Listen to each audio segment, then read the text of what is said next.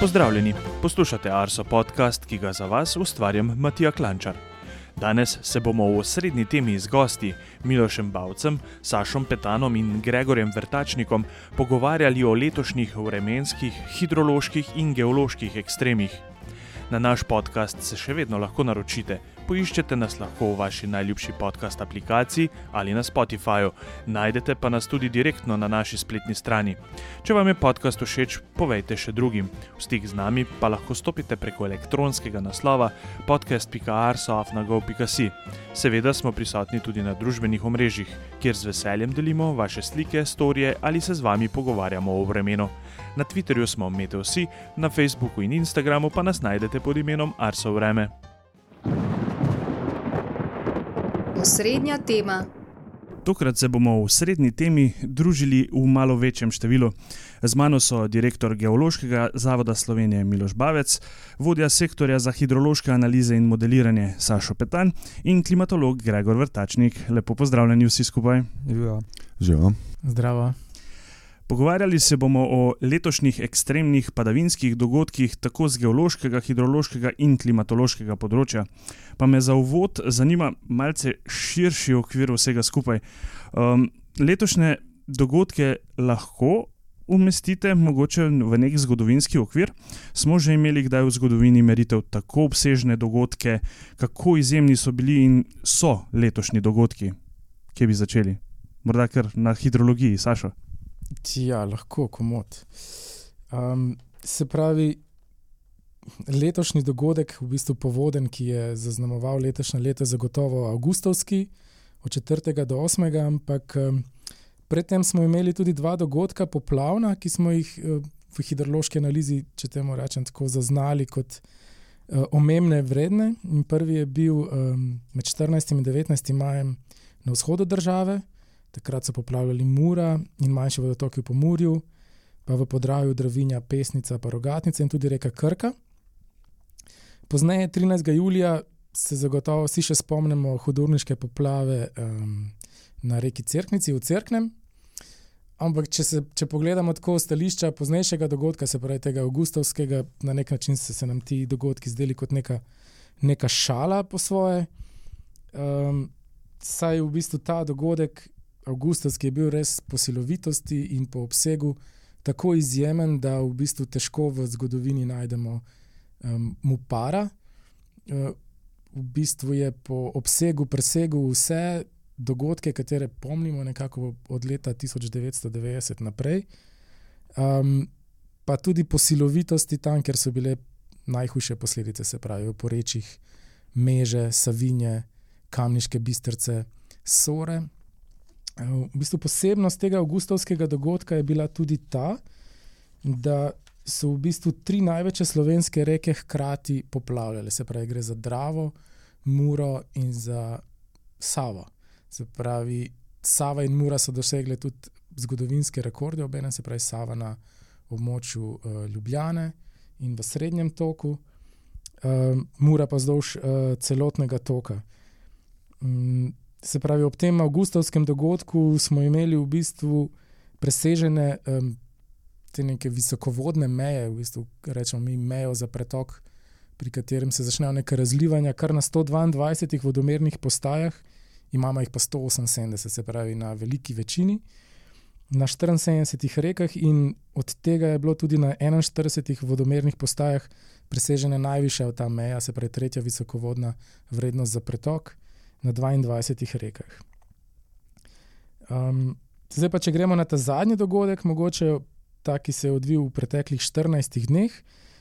Um, se pravi, tukaj smo imeli to analizo, podrobno moramo še narediti, ampak na visokovodne vrednosti pretokov so bile presežene na 90 vodomernih postajah, na približno 60 rekah. In v primerjavi z avgustovskim, zgoraj na šestih vodomernih postajah, ta najvišja uh, visokovodna vrednost, oziroma na petih rekah. Ne. Posebnost tega dogodka je bila to, da smo imeli pet vodnih valov, ki so bili nekako neodvisni v teh v, v 14 dneh, se pravi od torka 24. oktober pa do včeraj praktično. Um, in najbolj so bili izraziti v Posočju in Zgornje Savski dolini, se pravi tukaj smo zabeležili tudi nekaj rekordnih protokov na Bači, na Tolminki, na Sočju Kršovcu. Recimo na Saukanu je bil drugi najvišji m, pretok, izmerjen po letu 2012, ko je bil izmerjen predhodno najvišji. Ne. In uh, tukaj pa ne smemo pozabiti tudi na morje. Uh, se pravi, na morju pa smo imeli v bistvu od 19. oktobra pa do včeraj praktično 13 dni z preseženo uh, mejo za razlivanje, se pravi nad 300 uh, višino morja, nad 300 cm, uh, ko morje poplavi najniže dele obale. Uh, in od tega smo imeli 8 zaporednih dni z. Um, Takšnih dni, ko, so, ko, so bili, ko, je bili, ko je bila višina morja višja od uh, 300 cm. In v zgodovini je bilo samo enkrat, da je bilo 9 zaporednih dni, to je bilo novembra 96 in um, novembra 2019, dni, 2019 je bilo ravno tako 8 dni.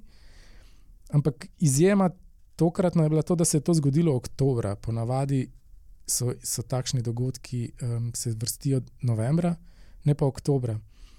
In uh, v bistvu v tokratnem oktobru smo imeli kar 10 dni z uh, višino vi, više od 300 cm, in v zgodovini je bil podoben oktober zgolj leta 92, ko je bilo 8 takšnih dni. Tako za začetek, če te lahko rečem. Ja, res ekstremno. Morda samo opomba, Saša, to včeraj se je nanašal na nedeljo 5.11., saj tale podcast snemamo danes v ponedeljek 6. novembra. Um, Mislim pa si, da je, glede na to, da je že Sašo naredil lepo vod z ekstremi na hidrološkem področju, da je bilo dosto, dosti podobno leto tudi na geološkem področju, Miloš, kaj ne? Ja, zagotovo je bilo ekstremno. Uh, takšnega primera v današnji generaciji ne pomnimo. Uh, je pa seveda vprašanje plazov nekoliko drugačno. Uh, namreč tudi od, od hidrologije pa vremenskih pojavov, uh, namreč tudi zgodovinski veri so zelo skopi v zvezi s tem. Uh, gre namreč za točkovne, v najboljšem primeru, oziroma največjem primeru, razpršene točkovne pojave, uh, ki so recimo tudi v letošnjem primeru bili razporejeni po tretjini Slovenije. In starejši zgodovinski veri primerov, takšne primere bolj slabo beležijo. Uh, jaz bi pred nadaljevanjem na dva, na, dva uvodna stavka povedal o terminologiji in, in, časovnim, in časovnem obsegu. Uh, jaz bom danes očitno govoril predvsem o plazovih.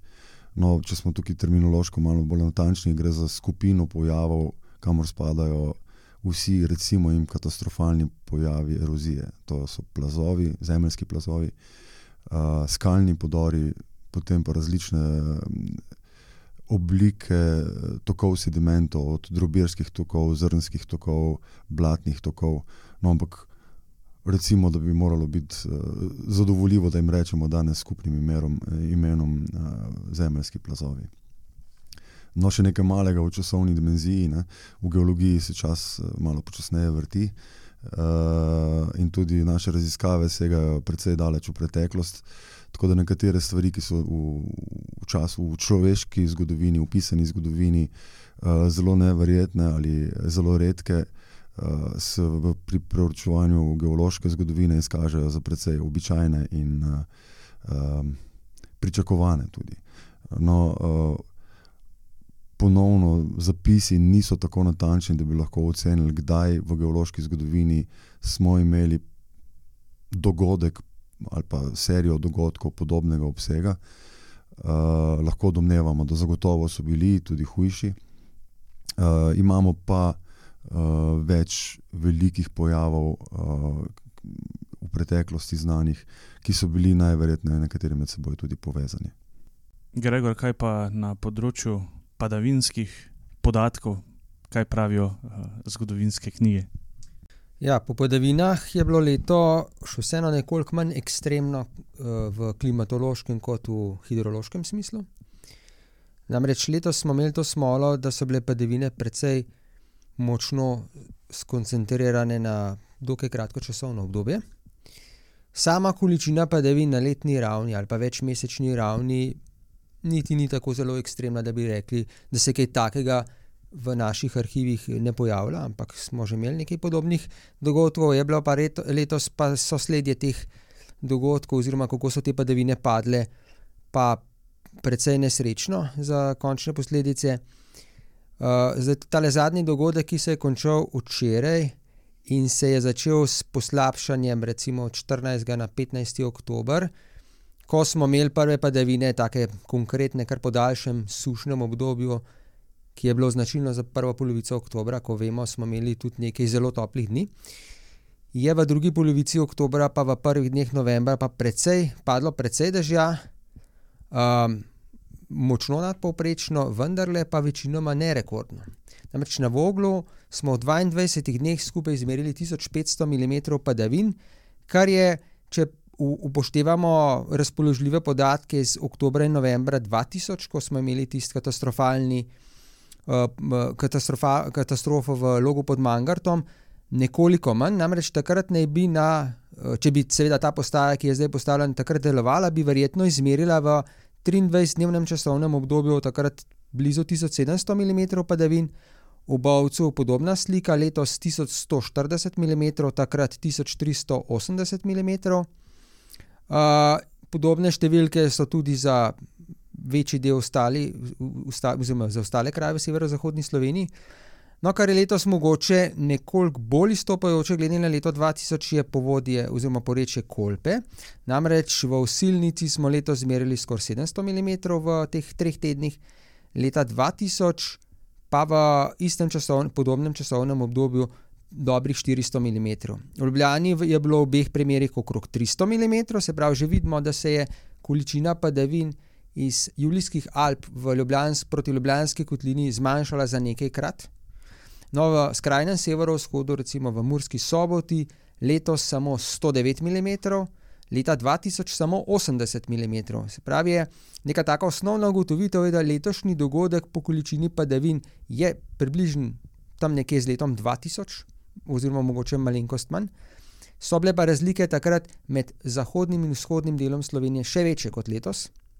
No, in taki dogodki, uh, ko imamo zelo veliko padavin na zahodu ali pa severozahodu Slovenije, in pa zelo malo na vzhodu, za jesen niso nič običajnega. Se tudi, če pogledamo dolgoletna povprečja, uh, Vogo dobi oktobra in novembra, se pravi vsak mesec posebej, poprečno okrog 500 mm padavin, medtem ko jih Ljubljana dobi le še 140 do 150 mm, in pa Murska sobota polovico tega, se pravi okrog 70 mm. Se pravi, tuk, že tukaj med najbolj namočenimi kraji v Julijskih Alpah in pa najmanj namočenimi v severovzhodni Sloveniji približno faktor 1 proti 7, mogoče celo 1 proti 8. Uh, letos, se pravi ob, tem, ob tej seriji teh padavinskih dogodkov, je pa ta faktor bil še večji, pa približno je pa skoraj 1 proti 15. No, in kar je zanimivo, če gremo, če prebrskamo arhiv nazaj za recimo podobnimi, dlje časa trajajočimi dogodki z obilnimi padavinami, je, je en zelo zanimiv dogodek z, z marca in aprila 1975. Uh, ta dogodek je zanimiv zato, ker je postavil na katerih merilnih postajah rekord v največji količini padavin, ki so doslej padle v dveh tednih. Takrat je recimo bilo v Bovcu 1000 mm v dveh tednih in to v delu leta, ki ni izrazito namočen. Namreč marca pa aprila je namočenost v večjem delu Slovenije tako običajna, medtem ko je zlasti v Julijskih Alpah oktober in november veljata za zelo namočena meseca. Običajno pade oktober pa novembra polovica ali pa še enkrat, tolk, še enkrat več padavin kot recimo spomladi. Imamo pa vse take dogodke, se pravi, ki bili skoraj primerljivi z letošnjim, lahko tudi po zimi ali pa spomladi, vendar pa njihove posledice na vodah so veliko manjše, zdaj, ker običajno po zimi pa spomladi velik del teh padavin pade v snegu. Letos recimo je bilo posebnost, tako kot leta 2000, da je praktično vse, kar je padlo z neba, padlo v obliki dežja. Razen na najvišjih vrhovih lahko rečemo, da je bilo tako omembe vreden delež padavin tudi v snegu. Drugače je bilo pa vse v, v dežju. Medtem ko leta 75 smo pa imeli recimo v Ratečah takrat uh, konec marca 130 cm noga snega v treh dneh. Sprav ogromna količina, kot da bi bili sredi zime. Je snežilo, celo tudi v Ljubljani, Ljubljani je padlo nekaj snega, v Visokogorju takrat zapadlo več kot 2 metra snega v tistem obdobju, čeprav je del časa deževalo. Uh, potem pa za konec pa lahko omenimo še uh, dogodek sredi novembra 1969. Ta dogodek je pa poseben, ker dokazuje pa, da uh, letos, se pravi oktobra in novembra, smo imeli uh, res veliko količino padavin skozi daljše časovno obdobje, ker smo imeli serijo teh zmernih do močnih padavinskih dogodkov, ampak noben od teh dogodkov ni bil pa res ekstremno. Ekstremno izrazit, da bi govorili o kakšnih rekordih, recimo na dnevni, dvodnevni, trodnevni ravni, medtem ko sredi novembra 69 je pa ponekod v posočju padlo v samo treh dneh 700 mm, kar je več kot polovica te količine, ki smo imeli letos v 22 dneh. No, in takrat, recimo, tudi v Bohinju padlo skoraj 500 mm v, v tistih treh dneh. Uh, v Ljubljani smo imeli sredi novembra 69 samo 45 mm v treh dneh, v Lendavi pa samo 3 mm. Se pravi, kontrast je bil še večji kot ob letošnjih dogodkih.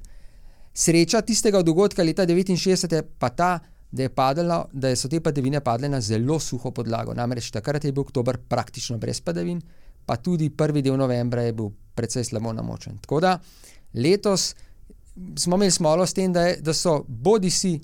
Uh, so bile, pač smo imeli niz, dolg niz teh padavinskih dogodkov, kot recimo zdaj, oktober, novembra, ali so pa padavine, uh, ki sicer recimo na dnevni ali pa dvodnevni ra ravni niso bile tako zelo ekstremne, padle na prej namočeno podlago. To se je zgodilo v začetku avgusta, ko smo dobili v nekaterih krajih tudi 200 mm v desetih urah, kar je sicer uh, je bil marsikaj rekordna količina padavin, vendar pa glede na posledice, ki jih je ti zdaj pustil, pa niti ne.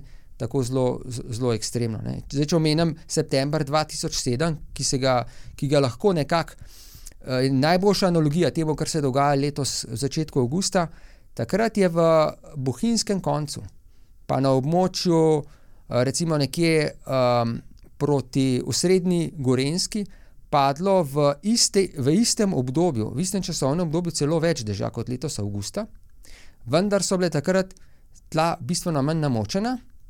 Hkrati pa letos ta pas sega od jugozahoda proti severovzhodu in se je vlekel iz recimo tega skranskega območja naprej v Kamniško-Savinske Alpe in proti Koroški, kjer je, bilo, kjer, kjer, kjer je to območje zelo ranljivo za te močne nalive, medtem ko se je leta 2007 je šel po smeri zahod-vzhod in je segel čez, čez, čez celsko kotlino naprej. Proti, recimo, halozam, seveda, z vse manjšo količino padavin, in so bile zato tudi posledice manjše, kot so bile, recimo, letos, ko smo imeli praktično perfektno kombinacijo za, za veliko opustošenje. Vmes sem se spomnil, eh, da lahko poslušalke in poslušalce tudi povabim na naša družbena omrežja, kjer v bistvu tudi vsak mesec objavljamo eh, podnebne značilnosti preteklega meseca. In eh, ravno v teh dneh smo objavili tudi za mesec oktober, kakšen je bil. In ja, dejansko se predvsem iz padavinskega stališča zelo dobro vidijo tudi na karti tvoje besede, Gregor.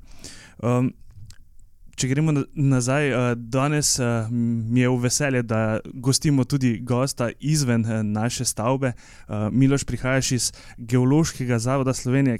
S čim se ukvarjate, vse skupaj, in pa katera so tista področja, ki so morda najbolj povezana s padavinami, pa rekami in poplavami? Ukvarjamo se z zelo široko paleto geoznanosti in strokovnimi nalogami z teh področji. Eh, ki so pravzaprav nekje v svojih koreninah ali v svojih rezultatih uh, zelo, zelo povezani tudi z geološkimi nevarnostmi, ne? oziroma z dogajanji, ki, ki smo jim priča danes. Uh, ukvarjamo se s temeljnimi geološkimi raziskavami, od geološkega kartiranja, stratigrafije, paleontologije, uh, naprej do hidrogeologije, geokemije, okoljskih ved, Eh, danes vse več z geoenergijo, uh, predvsem z geotermijo. Tako na kratko poskušamo pokrivati in razumeti vse pod našimi nogami, od podpovršja uh, in vse bolj tudi površja in, in dinamičnih procesov na zemljenem površju. Uh, najbolj neposredno se s tem, o kateri se danes uh, pogovarjamo, uh, uh, ukvarjamo v okviru skupine, um, ki, se, ki se imenuje Skupina za geološke nevarnosti. In uh, ima od leta 2022 tudi svojo programsko skupino, uh, ki jo financira Aris, imenuje se Dinamična zemlja. Posvečena je pa predvsem površinskim procesom na zemlji in na površju in uh, potresni geologiji, oziroma delno tudi seizmologiji. Um, ta naš kontekst našega delovanja je, je trojnost delovanja. Uh, temeljimo na znanstveno-raziskovalnem delu, ki zauzema dobršen del, dve tretjini naših aktivnosti. Uh, k temu pa dodamo tudi strokovno svetovanje, tudi na trgu, in en bistven del tudi svetovanje državi, uh, državnim uradnikom, državnim agencijam, uh, ko pride do vprašanj. Uh, na teme, s katerimi se tudi raziskovalno ukvarjamo. Lahko eno pod vprašanje, kako velika skupina je, da si znamo mogoče malce bolj predstavljati. To, če bi bili verjetno v kakšni drugi državi, bi govorili tudi o nekaj sto zaposlenih, kako velik je ta odsek. No, nas je vseh za vse te teme 125. Tisto, kar je bistveno za velikost te skupine, eh, skupina sama, programska skupina, ima, mislim, da 12 članov, uh, ampak bistveno pa je, da povezuje tudi ostale, ostale programske skupine je, in v rezultatih povezuje rezultate ostalih raziskovalcev. Uh, delo na splošno v geologiji je res tipično interdisciplinarno. Uh, in sploh pri razumevanju aktualnih procesov, pri okoljskih temah, temah okoljskih nevarnosti, je resnično potreba, potrebno povezati uh, mnoga zelo raznolika znanja. In tukaj je pravzaprav največji izziv. Ne? Ker ko se ljudje, tudi raziskovalci, specializirajo v eno smer, včasih izpade kakšna tema, ki je še kako relevantna. Uh, zelo pomembno se mi zdi, da smo v zadnjih letih uh, močno povezali temeljno geologijo in hidrogeologijo, ki je pri, uh, pri vprašanjih uh, zemeljskih plazov tipično izredno, izredno močno povezana. Sašo, na vašem sektorju se ukvarjate tudi z modeliranjem na hidrološkem področju. Pa me zanima, kako ste se prilagodili z napovedmi na rekah, ki imajo po obsežnih avgustovskih poplavah spremenjene struge. V bistvu tukaj imamo kar srečo, um, da smo se pri uh, zasnovi hidroloških modelov ali pa hidrološkega prognostičnega sistema, kot ga imenujemo, uh, osredotočili predvsem na napovedovanje pretokov. Se pravi, če bi mi želeli napovedovati gladine, bi imeli velike težave zaradi spremenjenih strug.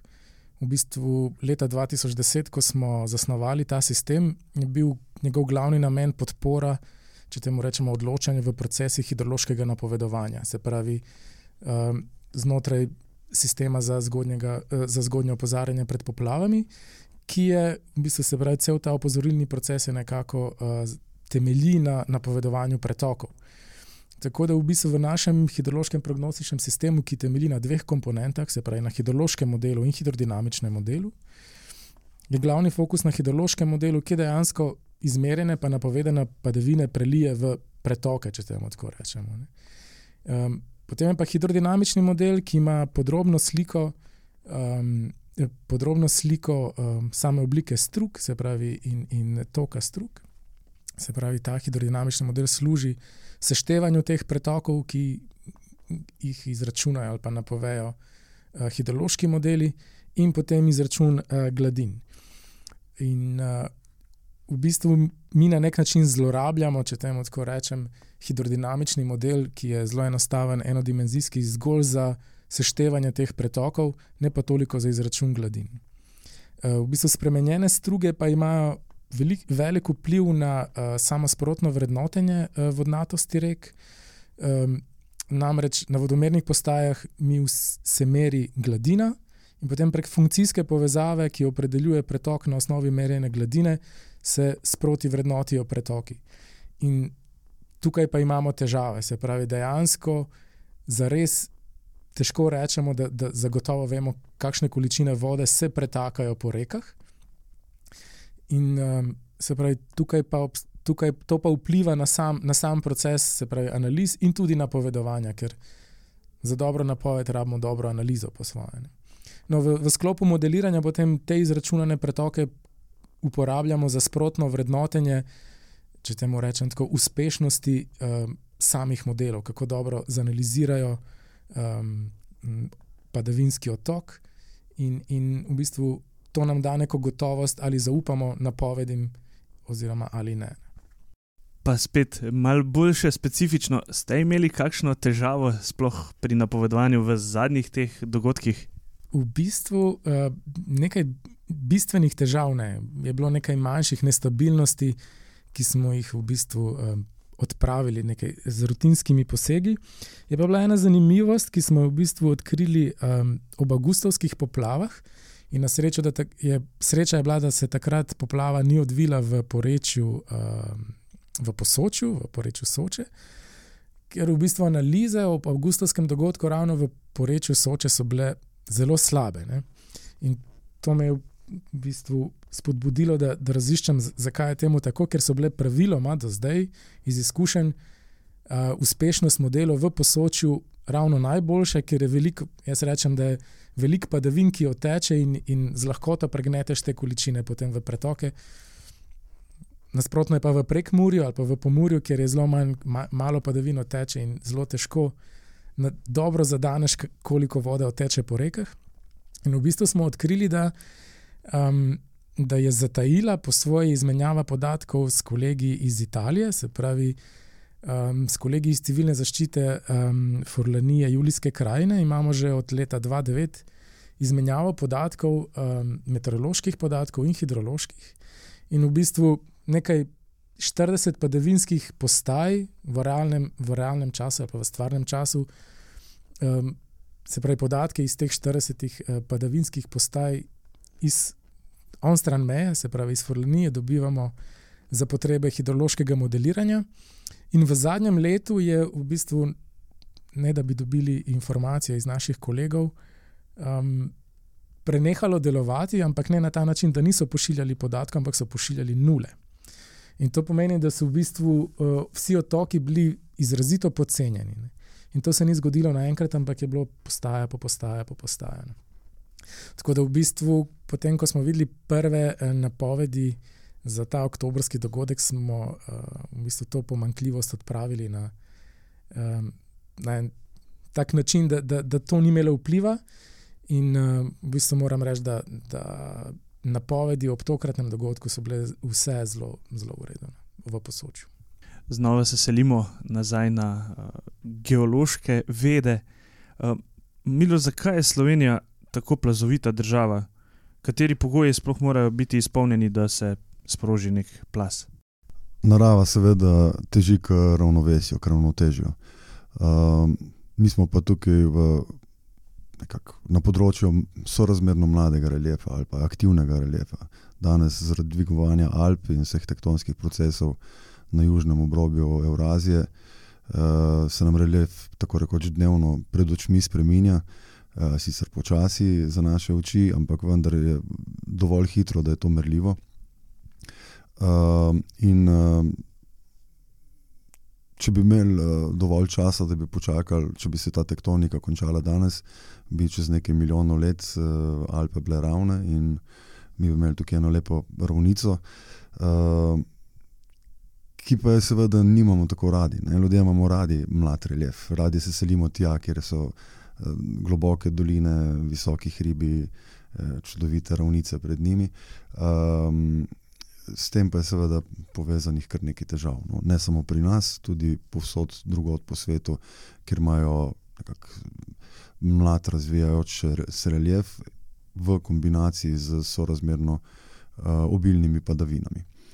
Uh, no, to dvoje je pri nas uh, združeno in uh, od tistih ključnih um,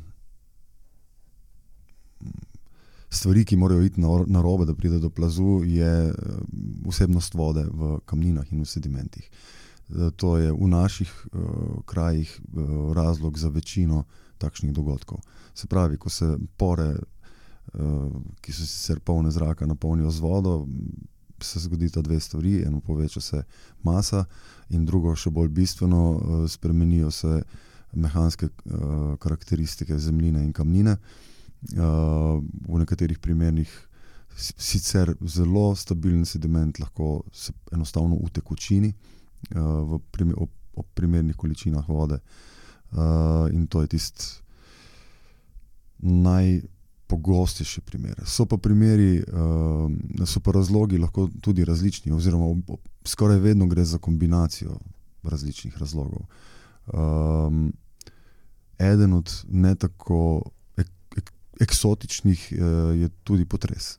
Se pravi, če imamo mi umočen material in če ga še malo pretresemo, se spet reologija materijala hitro spremeni uh, in lahko pride do, do raznih plazov in podobnih dogodkov. Tak primer smo morda imeli uh, vlogo pod Mangartom. Tam je sicer je med potresom in, in uh, plazom sta minili dve leti, tako da je to mogoče um, malo špekuliranja tukaj. No? Ampak vsekakor tam smo imeli izredno namočen material, uh, ki se je potem mobiliziral. Uh, potem iz naše bližnje okolice uh, poznamo s potresi povezan uh, največji dogodek, uh, to je kolaps Dobrača v, v velikem uh, beljaškem potresu 1348. Uh, sicer so pa večinoma res povezani s uh, obilnimi deževji in vse večkrat s posegi človeka. Pa vseeno lahko naredimo kaj za preventivo, da se, v bistvu, kako se sploh mi lahko soočimo s to plazovitostjo. Tukaj imamo dobro in slabo novico.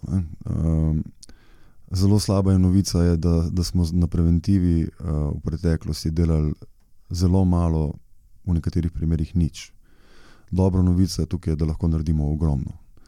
Uh, in nas čaka ogromno, in uh, na srečo tudi nismo na začetku.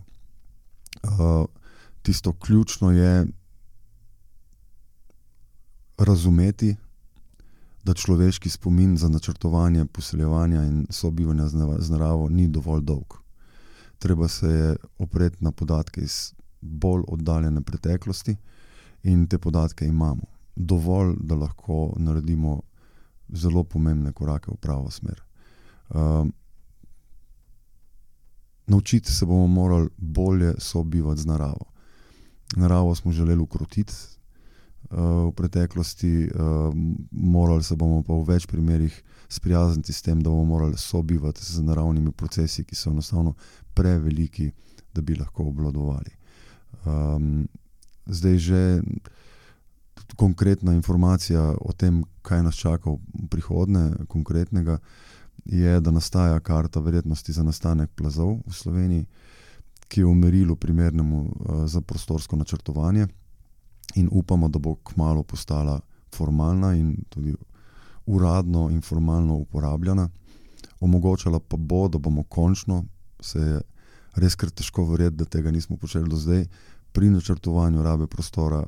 Uh, upoštevali tudi to, res, po mojem mnenju, ključno naravno danost, da nam bo hišo odnesel plas ali ne. ne. Um, pa še eno, en komentarček bi dal, no, um, malo za šalo, malo za res. Obstaja ena krilatica, v, vsaj v tem našem svetu, pa mislim, da tudi pri poplavah, kako so včasih ljudje znali graditi in tiste hiše, ki so jih stari ljudje naredili, še vedno stojijo. Ne. Jaz sem malo skeptičen do te izjave. Ne? Jaz mislim, da stojijo tiste hiše, ki so bolj ali manj po naključju bile na pravem mestu postavljene. Ne? Tiste pa, ki niso, tiste pa pač odneslo. Ne? Tako da kaj bistveno pametnejši včasih ljudje niso bili. Morda so bili malo manj grabežljivi do prostora, malo manj uh, nasilni do prostora, uh, zaradi obsega, ki so ga zmogli ali pa ne zmogli. Uh, ampak znanja imamo danes zagotovo več in na nas je samo, da ga uporabimo. Ja, zelo zanimiva misel, da misliti. Um, Gregor, lahko letošnje dogodke pripišemo podnebnim spremembam, velikrat je to neko tipično uh, novinarsko vprašanje. Uh, kaj nas sploh čaka v prihodnje, uh, več mogoče tudi takšnih ekstremov? Ja, tako na, recimo na hitro bi lahko rekli, da so podnebne spremembe samo češnja na torti Se pravi, niso nek glavni razlog, zakaj je prišlo do letošnjih teh katastrofalnih poplav. Uh, poletje je bilo res najbolj namočeno v začetku meritev uh, na ravni Slovenije. Se pa spomnimo eno leto nazaj, lanskega poletja, praktično v enakem podnebju, bilo pa mrske najbolj suho. To je bilo zdaj bolj kot ne slučajno, da smo imeli tako zaporedje, da smo preskočili iz ekstremno suhega v ekstremno mokro poletje in to ne bo postala nekaj normalno, se pravi, da bi zdaj si pa kar sledili taki skoki. Eh, podnebni modeli so pri višini padavin precej manj zanesljivi pri napovedovanju oziroma pri projekcijah prihodnosti kot eh, pri temperaturi zraka. Tako da imamo recimo poleti imamo dva recimo temu scenarija, ki sta približno enako verjetna, ne vemo še točno pa po katerem bomo šli. Po suhem scenariju se bo temperatura zraka se bo poleti poviševala bolj kot v drugih letnih časih, pa hkrati se bo zmanjševala količina padavin. To pomeni, da po tem scenariju oziroma po teh projekcijah bodo taka poletja kot je letošnje postala bolj redka. Imamo pa na drugi strani, je pa možno tudi, da bodo ostala poletja približno tako namočena, kot so bila zdaj v zadnjih desetletjih, in se bo pa temperatura zraka nekoliko uh, počasneje dvigala, kot se je zdaj recimo v zadnjih 30-40 letih, ko se je res zelo izrazito. To pa pomeni, da, bodo, da bomo imeli lahko tudi taka poletja, kot je recimo lani ali pa letos, s podobno verjetnostjo kot doslej, in pa tudi posledice ne bojo, ne bojo bistveno drugačne. Drugačna je pa slika, ko se premaknemo pa v zimski čas, pravi, še posebej v čas meteorološke zime, to je od decembra do februarja. Tam pa skoraj vse podnebne projekcije kažejo smer naraščanja padavin.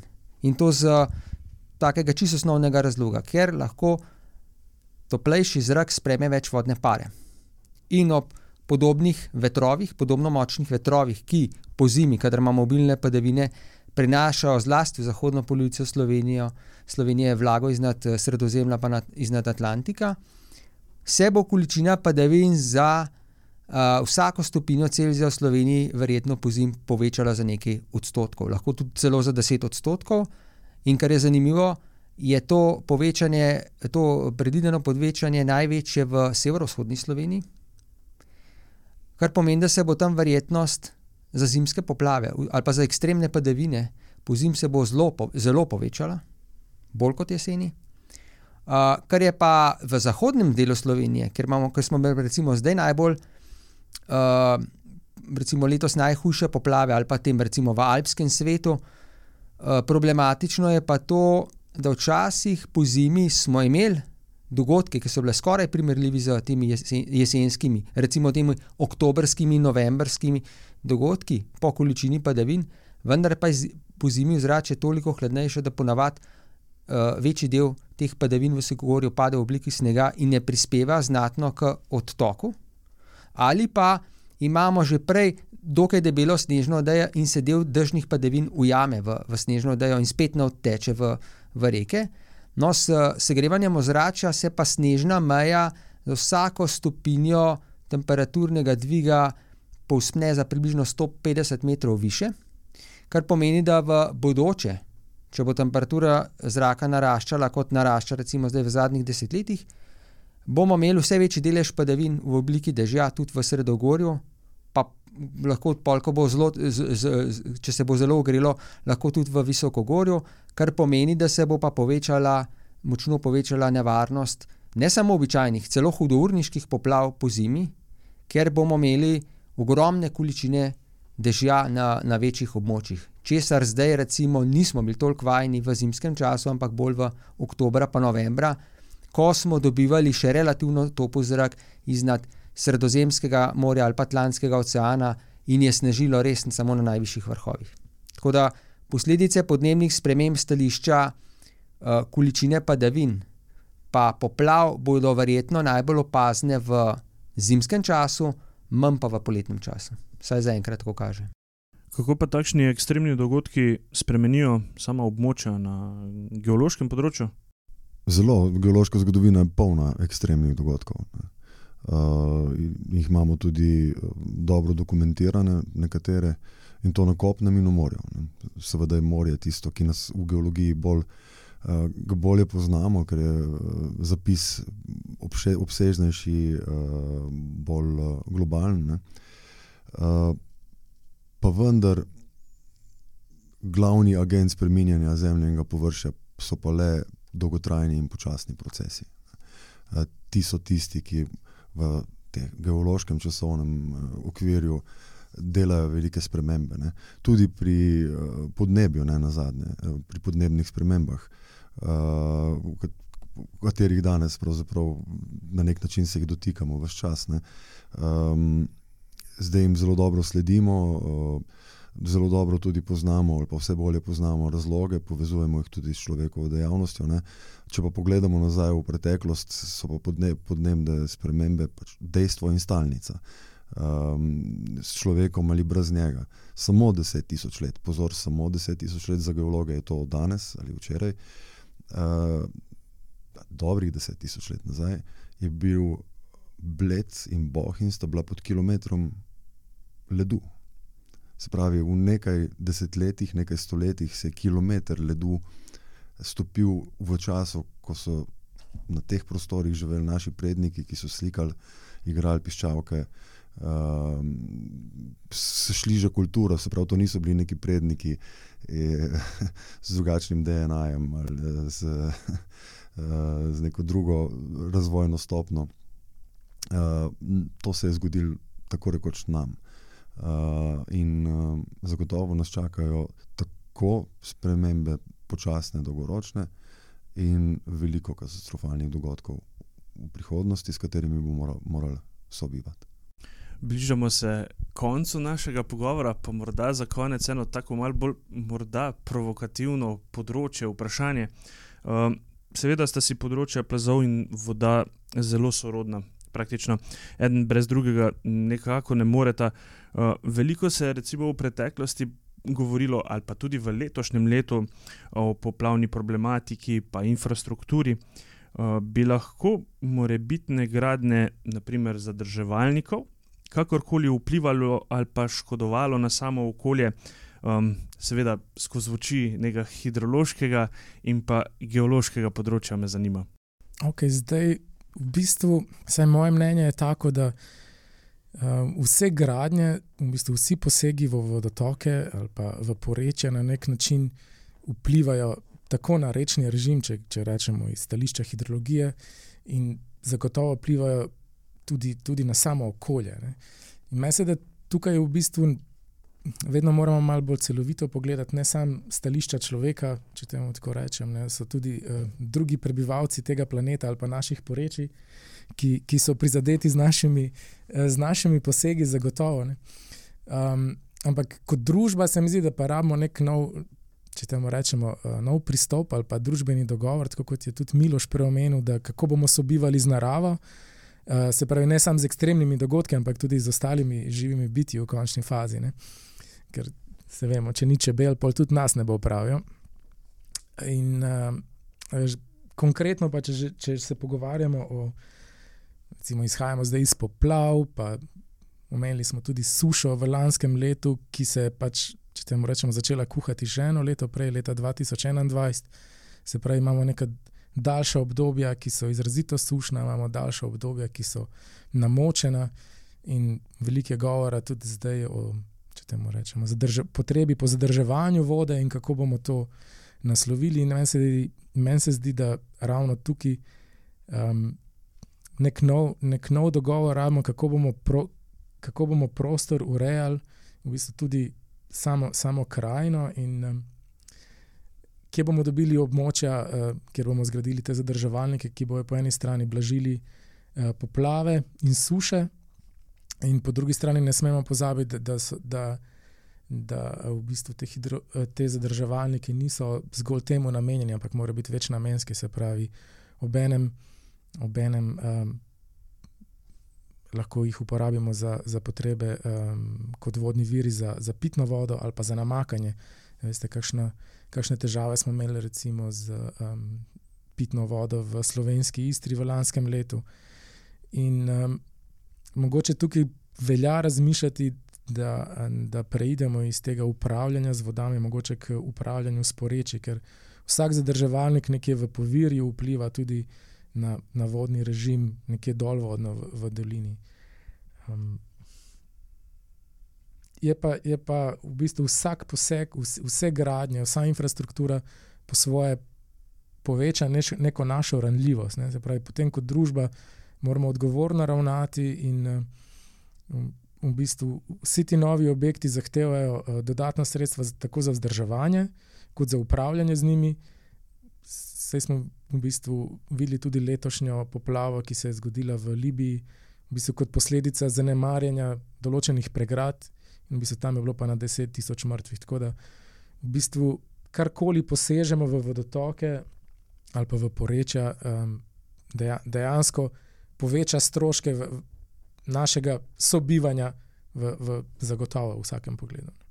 Jaz se v celoti uh, strinjam s Sašom, uh, naštejem pravzaprav vse uh, ključne elemente našega poseganja v prostor.